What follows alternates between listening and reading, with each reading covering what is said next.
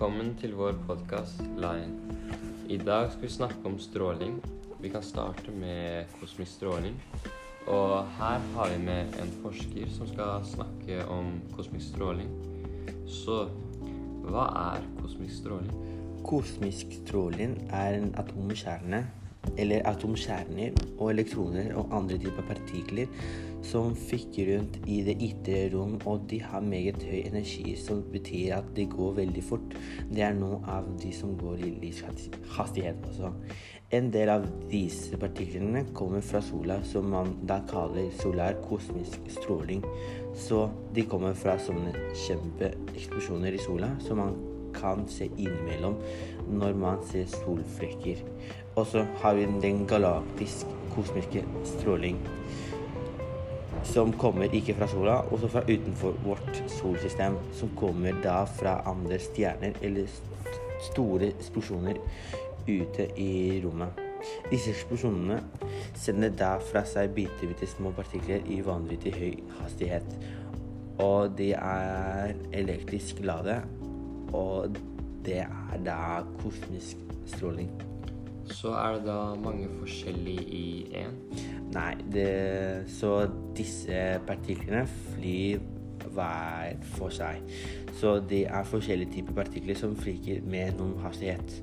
Veldig få av de treffer jorda fordi vi, har, vi er så heldige som har magnetfeltet rundt jorda, og så vi har atmosfæren, som er ladet, og der alle, aller fleste blir bøyd vekt fra jorda, men de fyker ned på oss nå også.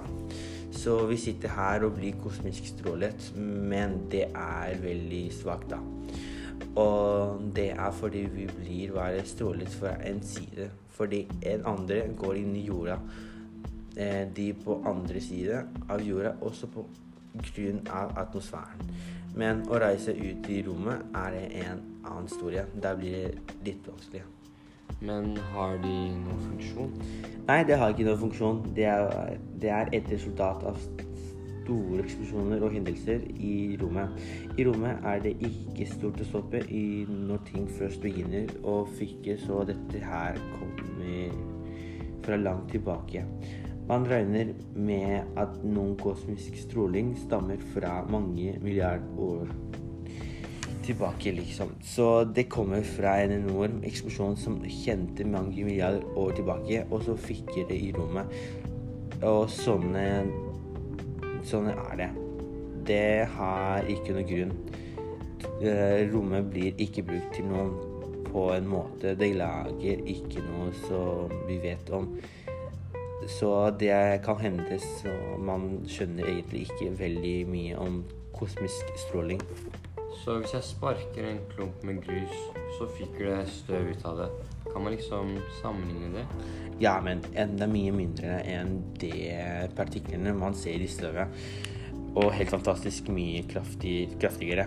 Det er en stjerne som eksploderer, liksom, så det så det er van vanvittige krefter involvert, og de fikk rundt med enorm hastighet. Og de stopper aldri så fikk rundt, eller de stopper når de treffer jorda, så trenger seg ned til jorda til de stopper. Med mindre de treffer en planet eller noen som stopper det ikke, da fikk de rundt i jorda evighet.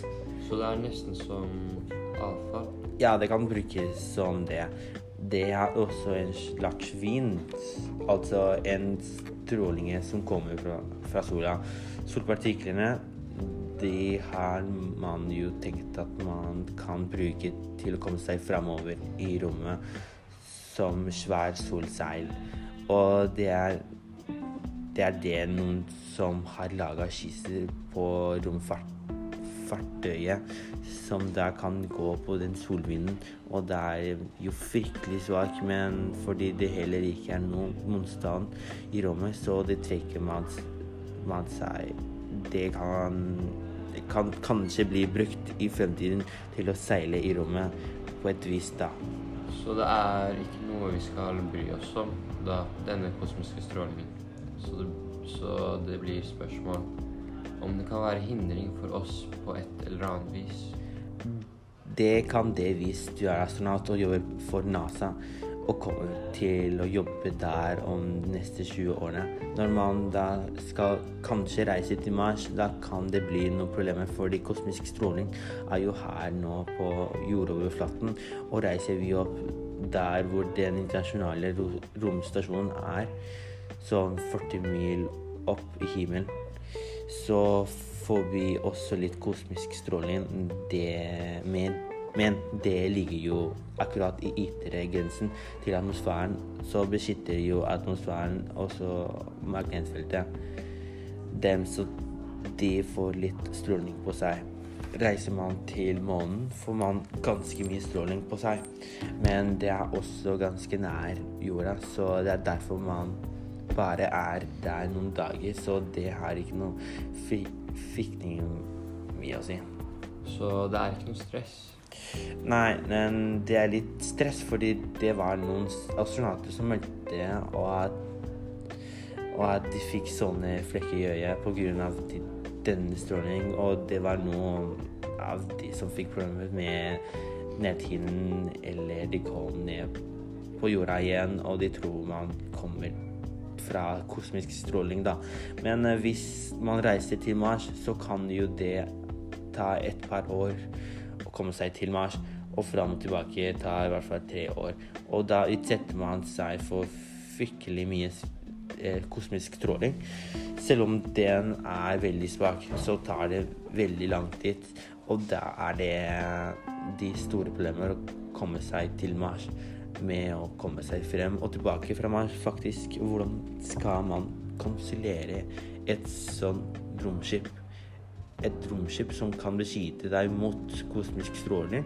Og da har man tenkt at man kan bruke plastikk, eller man kan sette astronauter midt imellom vann og driv, drivstoff og sånne ting. Men uh, det skal fly oppover, men det er et problem. Men i det verste fall så kan man få kreft, og man øker at man kan få kreft ganske kraftig mellom 1 og 20% Fordi da blir man eksponert over det i flere år? Ja, over mange, over mange år. Men hvis du får 20 større prosent for å få kreft, så betyr det ikke at det, er, det at man kan komme til å få kreft. Men at du har større sjanse enn andre. Men man vil fortsatt ikke utsette astronauter for dette, så dette man, må man finne må man finne ut før man kan reise fram og tilbake dit fra Mars. Så hvordan kan man finne ut av dette?